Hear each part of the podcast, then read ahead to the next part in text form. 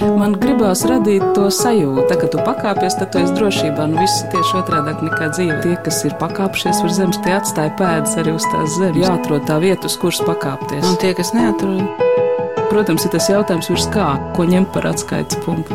augstāk par zemi. Augstāk par zemi. Augstāk par zemi. Esiet sveicināti!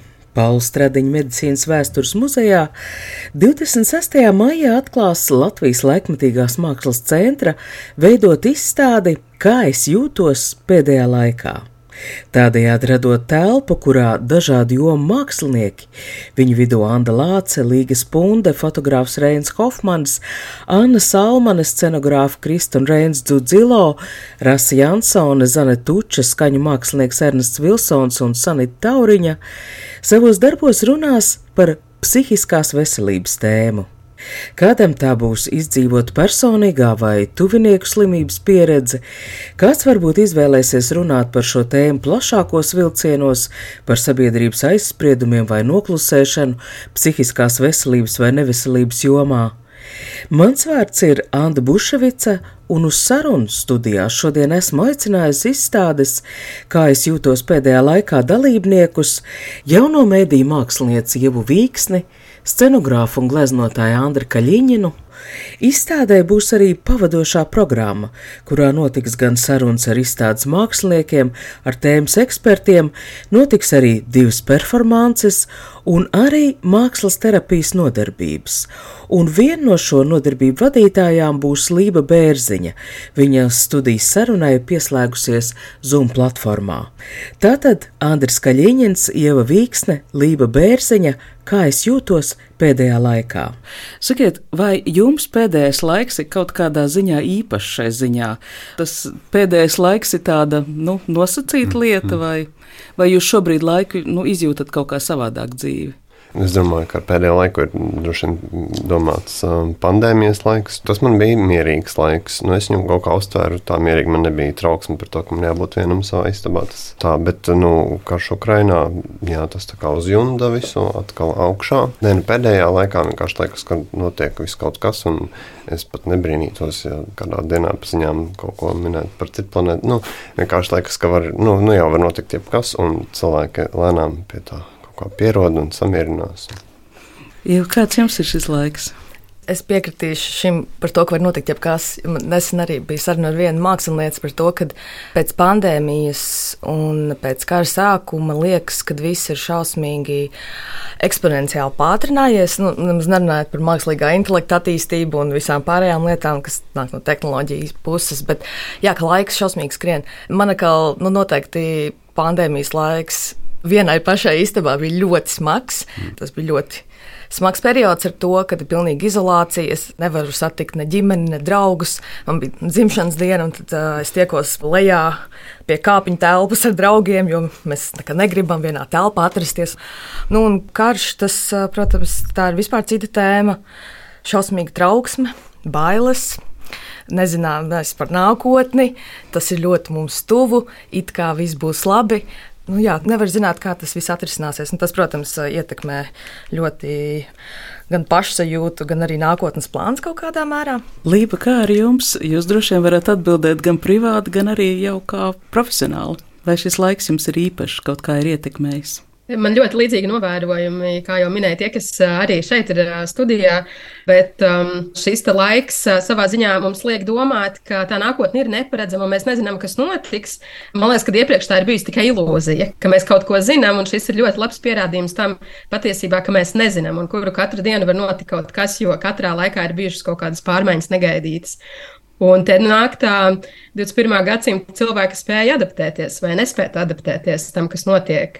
Bet noteikti man arī patīk, ka šajā laikā tas arī daļai kā profesionāli varu teikt, kad vairāk tiek pievērsta uzmanība tiešām arī mentālajai veselībai. Ja līdz šim varbūt uh, par to runāja mazāk, tad tagad pandēmijas laikā tiešām cilvēks saskārās ar ļoti daudz negatīvām emocijām.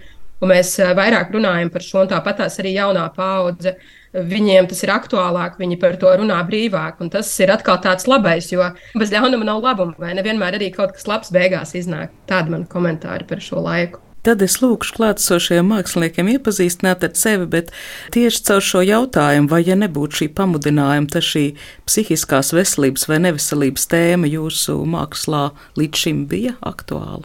Jā, šī tēma man personīgi ir bijusi patiesībā aktuāla visu laiku posmu, kamēr es sevi saucu par mākslinieci. Salīdzinoši, es nevaru teikt, tas notika vēlu, bet man bija 25 gadi, kad es sāku studēt mākslu. Tas bija Liepājā jauno mēdīju mākslas programmā. Jau uzreiz sākot strādāt ar dažādiem mēdījiem, es sapratu, ka šīs neredzamās lietas, kas notiek gan manī, gan citos, mani ārkārtīgi interesē. Paralēli mākslinieces radošajai darbībai, Ieva Vīksne ir arī lektore Latvijas Mākslas akadēmijā, un arī tur viņa mudina savus studentus sarunāties par neredzamo, to, kas notiek prātā un jūtās. Un viņa saka, ka viņas personīgā trauksmes pieredze un arī tas ceļš, ko viņa apzināti ir nogājusi, lai to mazinātu, palīdz arī sarunās par mākslu. Es uztveru ļoti lielu atbildību, kad man uzaicināja piedalīties šajā izstādē, jo jā, tas ir kaut kas, ar ko es esmu daudz strādājusi. Mēģinu arī ikdienā runāt gan ar saviem studentiem, gan citiem cilvēkiem, kas man apkārt ir.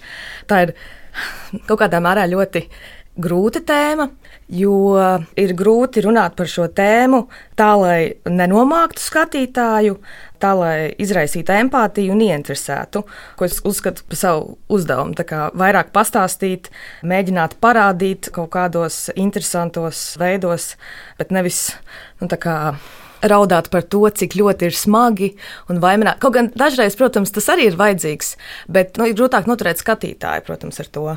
Līdz ar to jāmeklē interesanti veidi, kā ar to strādāt. Nu, konkrēti projekti, es ielūkojos jūsu radošajā biogrāfijā, ir bijusi performance, būto dejas performance kopā ar Simonu Rīnsku, ar eh, Platonu Buravicku mūziku.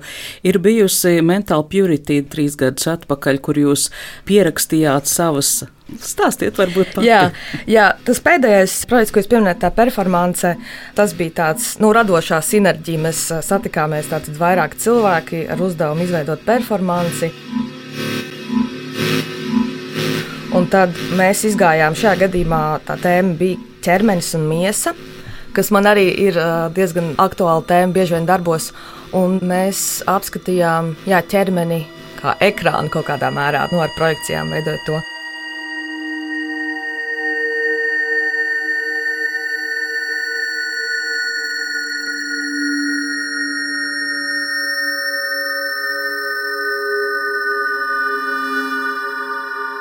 Par mental purity vairāk. Jā, mēs to projektu veidojam kopā ar, mākslinieci Līgu Vēliņu, ar ko mēs jau ilgstoši sadarbojamies. Tas mērķis mums bija papētīt pašām, kā mēs izturamies pret sevi, kādi ir mūsu ieradumi. Un mēģināt to vizualizēt. Jā, šo mentālo ekoloģiju, cik ļoti mēs rūpējamies par sevi.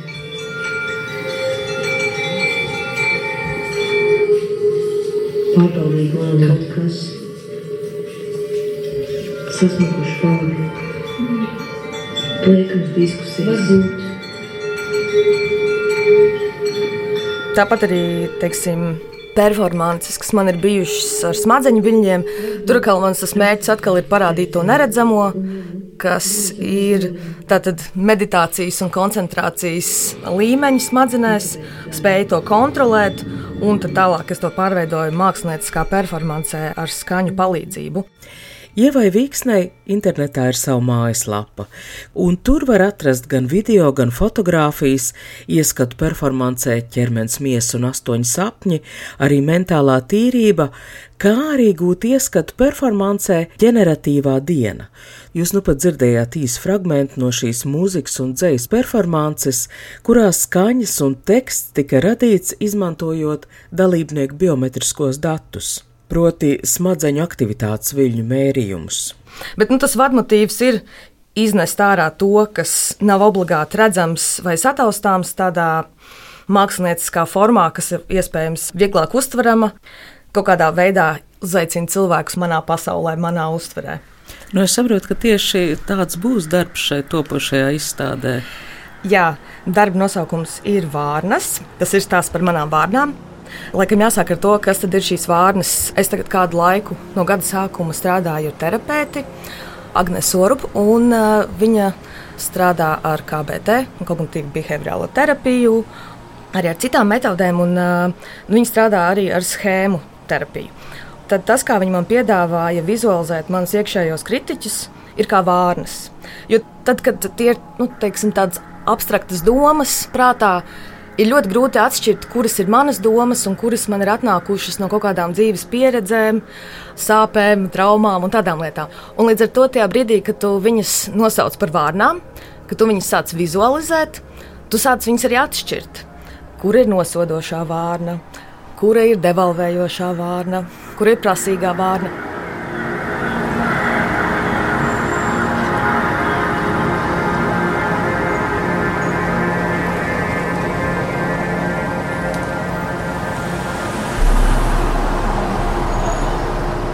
Viņas visas nav sliktas, tas ir tas svarīgais. Viņas visas ir klātesošas, viņām tur ir jābūt. Katrai savs uzdevums ir.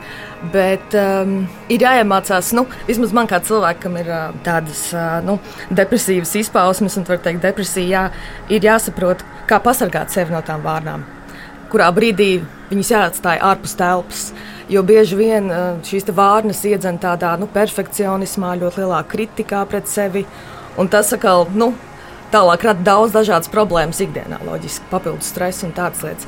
Nu, jā, un tad uh, es uh, gribu iepazīstināt skatītājus ar savām vārnām, ar tādām pāris it kā ikdienišķām ainām. Bet nu, tādu nelielu, negluži komisku piesitienu. Bet, nu, jā. Viņa jau pateica, priekšā tur būs tās īpašās brilles, jā. un būs iespēja ierāpties jums galvā. Kaut kādā mērā, jā, virtuālā realitāte jā, ir mēdījis, ar ko es strādāju jau no nu, kaut kādas gadus, man liekas, sešus. Pēc manas pieredzes tas ir ļoti spēcīgs mēdījis tieši dēļ imersijas, jo mēs varam radīt pilnībā no nulles kaut kādu vidi, pasauli. Nu, kādā mērā mums ir pilnīga kontrole par to. Tā, protams, uzliek ļoti liela atbildība gan māksliniekam, gan izstrādātājiem. Bet jā, tas man ļauj pastāstīt kaut ko, ko es iespējams telpiskā instalācijā vai 2D darbā nevarētu izdarīt.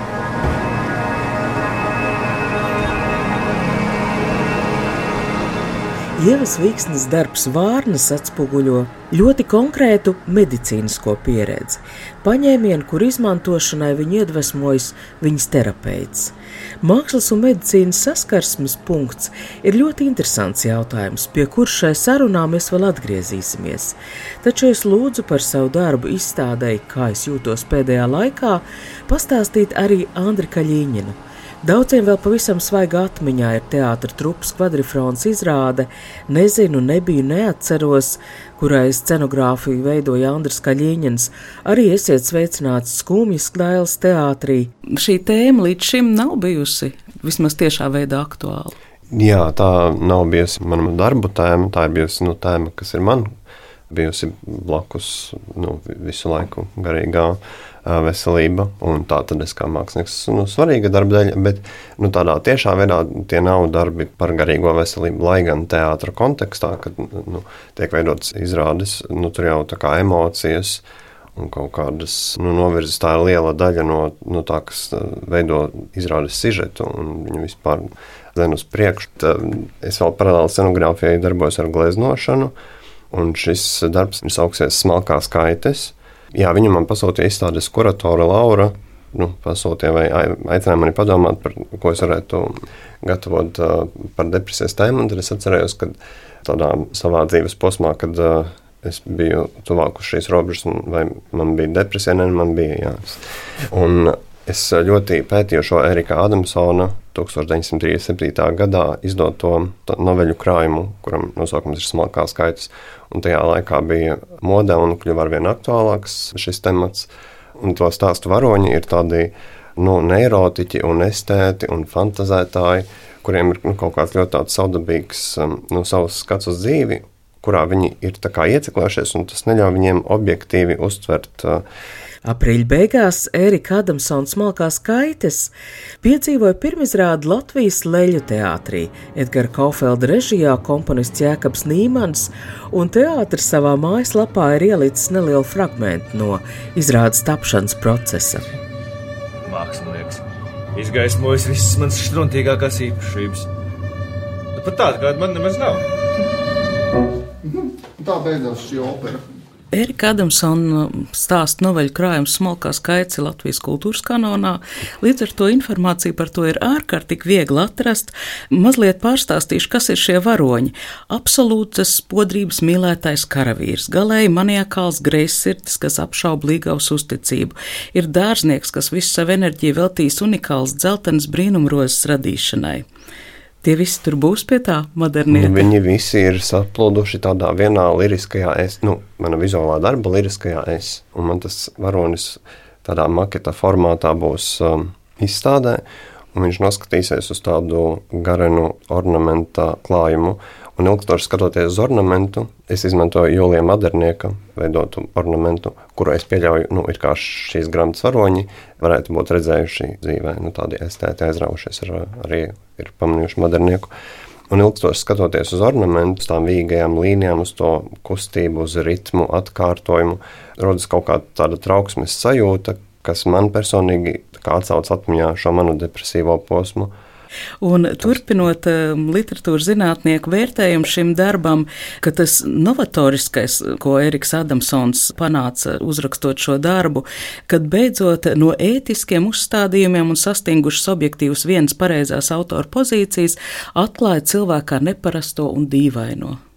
Nu, ļaut būt dīvainam. Tu kā lasītājs lasi, un tu pilnībā saproti, kāpēc tas cilvēks citiem varoņiem no malas ir dīvains.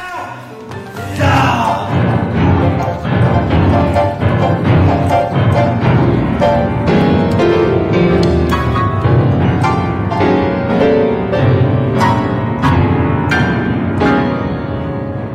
Pats uh, maketa jēdziens, jo teātrī mēs izmantojam maketus kā tehnisku rīku, lai parādītu, kas tiks īstenots vēlāk, un tas nav gala produkts, bet te tas makets ir domāts kā pats mākslas darbs, jo pašā maketā arī ir kaut kādi ar um, garīgās veselības jomu saistīti jēdzieni, piemēram, mērogs, kad kaut kas ir samazināts, kaut kas ir palielināts, ir kaut kāda deformācija vai dzīves imitācija Jā, un es šo darbu sāku ar to, ka es to darīšu maketā, jo makets jau pats par sevi ir uh, tematiski un konceptuāli. Man liekas, ka iegūst vienkārši tēmā kā medijas. Tātad cilvēcisks skaislības Erika Adamsona stāstos jau ir pārtapuši tādos simboliskos tēlos, un jūsu darbā tas jau ir ornaments, tātad daudz lielāka šī abstrakcijas pakāpe. Jā, nu, tur tā burtiski, tur ir tāds mazs vīriņš, kā jau maketos ir tādi mazi, un tas ir tas uh, skatītājs, un viņš skatās uz uh, tādu lielu, lielu viņa iztēlē. Tur es izmantoju tādu mākslīgo perspektīvu, kad uh, rodas optiskā ilūzija, ka telpa, kurā ir maketā, ir lielāka nekā viņa ir. Ko izmanto reizēm, es skatos, nu, lūk. Un tas tēls ir tāds uh, jauns estēts un tāds um, nestabils varonis, ko es tā redzu, tāpēc, ka es paturu prātā šo stāstu krājumu. Un viņš ir aizskaties, viņš no visas telpas, no visa, ko viņš varētu redzēt telpā, viņš pamanīs tikai grīdu, un tikai rakstu, ko veido parketa dēlīši. Visa pārējā telpa viņam ir pazudusi. Un viņš tā kā mūžīgi, nu, cik ilgi tur izstāde stāv, viņš skatās uz to grīdas klājumu. Un tā viņš tur aizskaties. Un tad blakus tam maketam pa kreisi būs, nu, jau maketa ir samazinājumā, būs uh, tas pats grīdas uh, raksts pie sienas, uh, nu, tā kā tādā izmērā, kādu tas mazais cilvēks redz tur, tādu tas. Uh, cilvēks tagad uh, skatītājs kļūst par mazo cilvēku un skatās uz uh, to parketa rakstu. Viņš vienkārši ir uh, ļoti skaists un tāds trauksmains un nomierinošs vienlaikus. Nu, viņš jā, skaists ornaments. Jums ir divas, manuprāt, dažādas pieejas.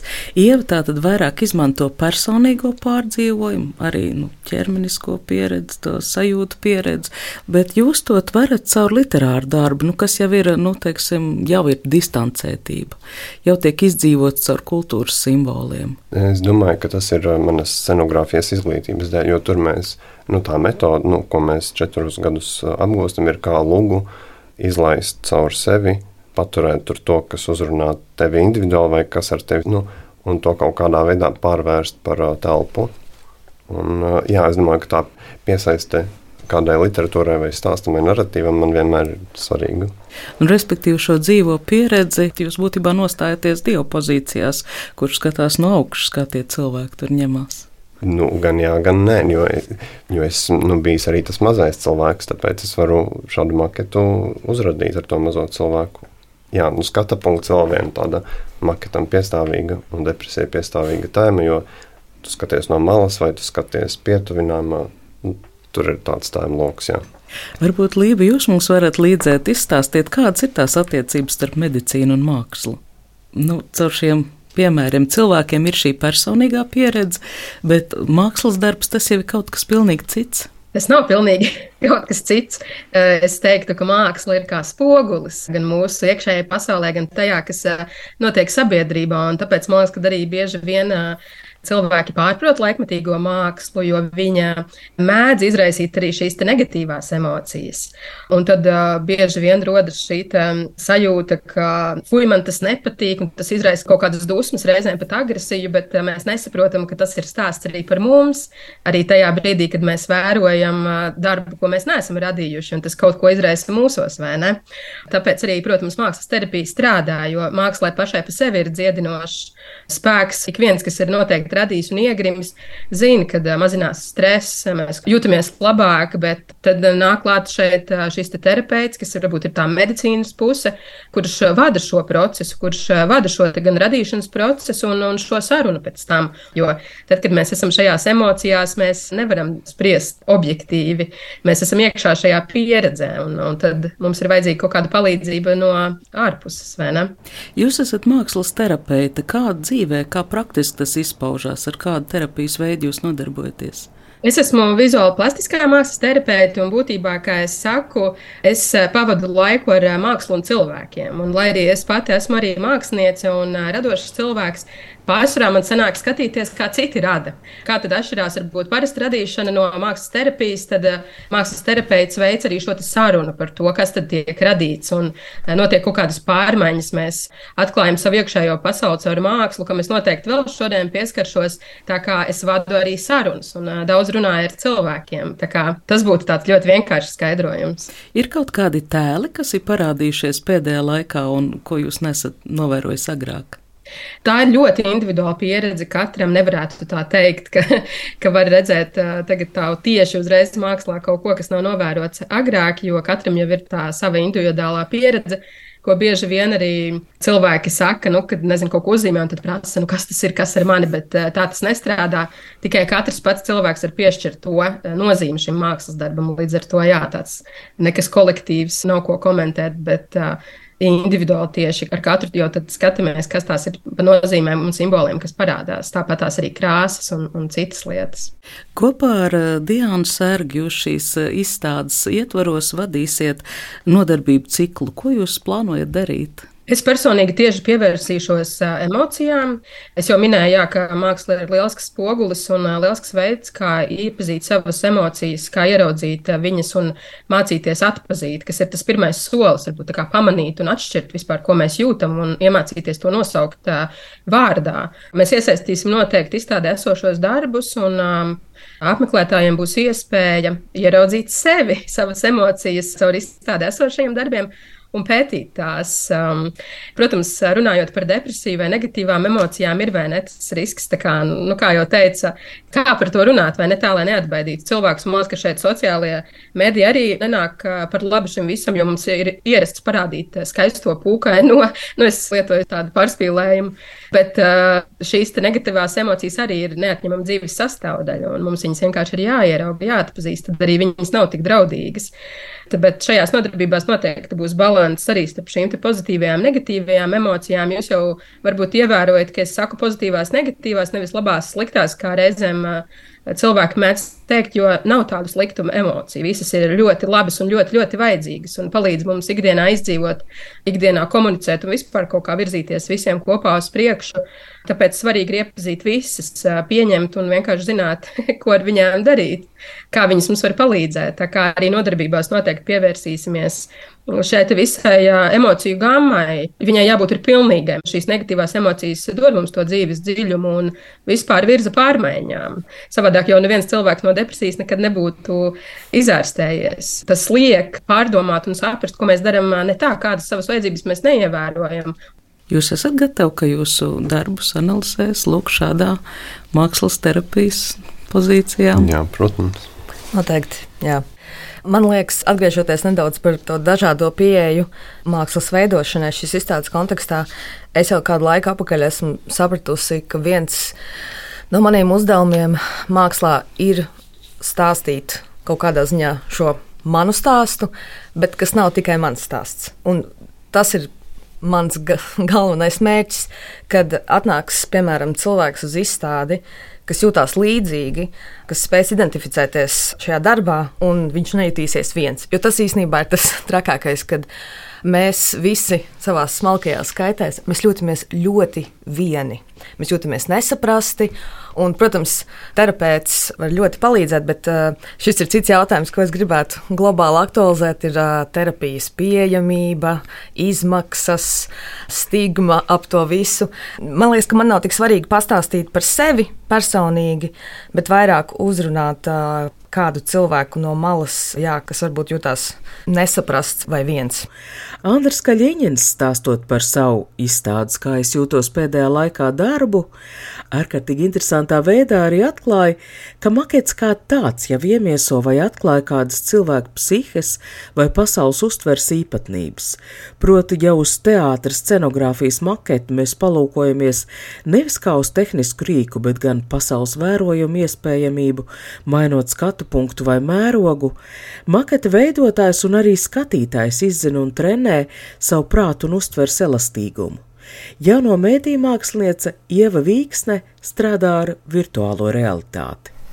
Virtuālā realitāte nu, tā palīdz kaut kādā veidā saprast sevi labāk, varbūt tā palīdz distancēties no savām emocijām. Es nezinu, vai tas palīdz distancēties, jo, ja ņemot vērā to, ka tu veido visu pats, tad tur ļoti labi atspoguļojās arī tas, kas tevī iekšā ir. Patiesībā tieši pretēji, man liekas, grūtāk no sevis aizbēgt. Bet vispār, kā tehnoloģija, viņu arvien vairāk izmanto medicīnā un tieši saistībā ar mentālo veselību.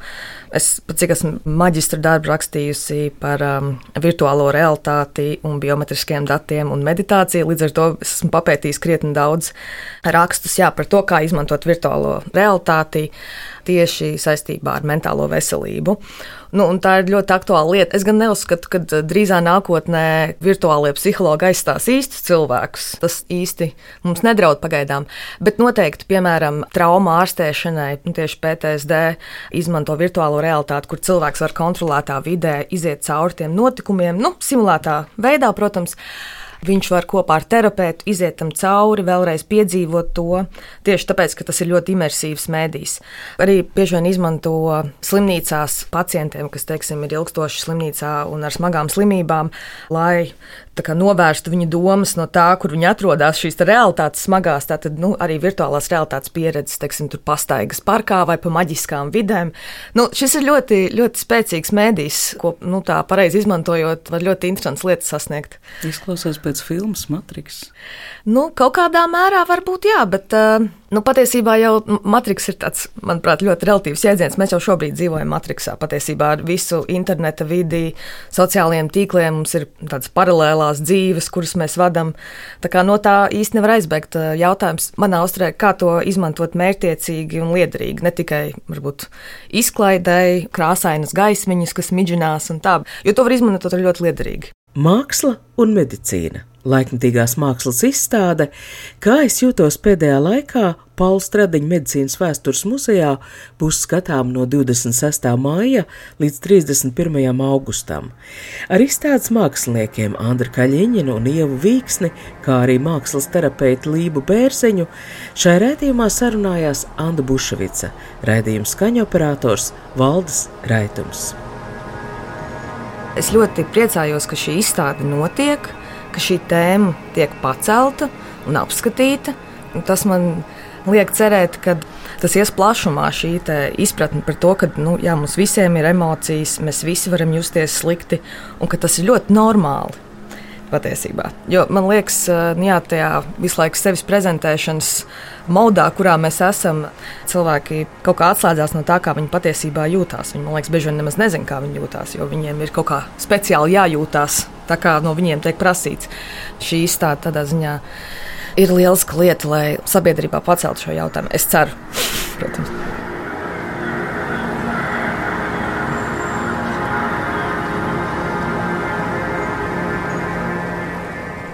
Tā ka tu pakāpies, tad tu esi drošībā. Nu, viss ir tieši otrādi nekā dzīve. Tas ir tā spēle, jā. Tie, kas ir pakāpšies virs zemes, tie atstāja pēdas arī uz tās zemes. Protams, ir tas jautājums, ko ņemt par atskaites punktu. Nē, nu, principā ir skaidrs, augstāk par zemi. Jāatrod tā vieta, uz kuras pakāpties. Augstāk par zemi. Augstāk par zemi. Augstāk par zemi.